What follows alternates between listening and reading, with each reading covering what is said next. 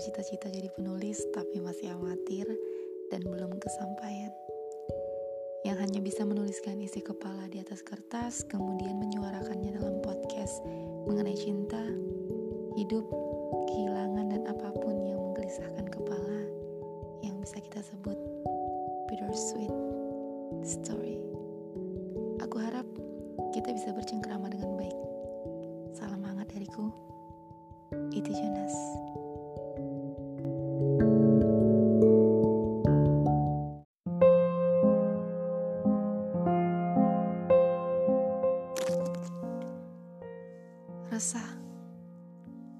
Sepertiga malam selalu jadi ladang emosi bagi pikiranku. Entah kenapa, semua gelisah bercampur menjadi satu derita yang tak kunjung bisa diredam. Bagai candu yang selalu melemahkan tekad. Hari demi hari, cemas menjadi bentuk protes dari pikiranku. Tak ada yang bisa meredam, bahkan diriku sendiri. Setiap hari, bahkan setiap menit, tak kunjung bisa kurehatkan sejenak resah yang belum terjadi perihal masa depan selalu jadi cambuk yang kerap merusak kebahagiaanku.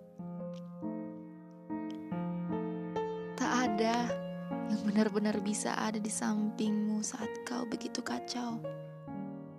Tak terkendali, bahkan hancur. Tak ada yang benar-benar bisa mengerti apa-apa yang harus dilakukan untuk membuatmu berhenti merasa cemas. Bagi sebagian orang, rasa cemasmu Resahmu adalah umpan untuk diperhatikan banyak orang. Karena tak ada orang yang paham perbedaan antara cemas dan gangguan kecemasan. Gangguan seperti ini selalu merusak idealismeku.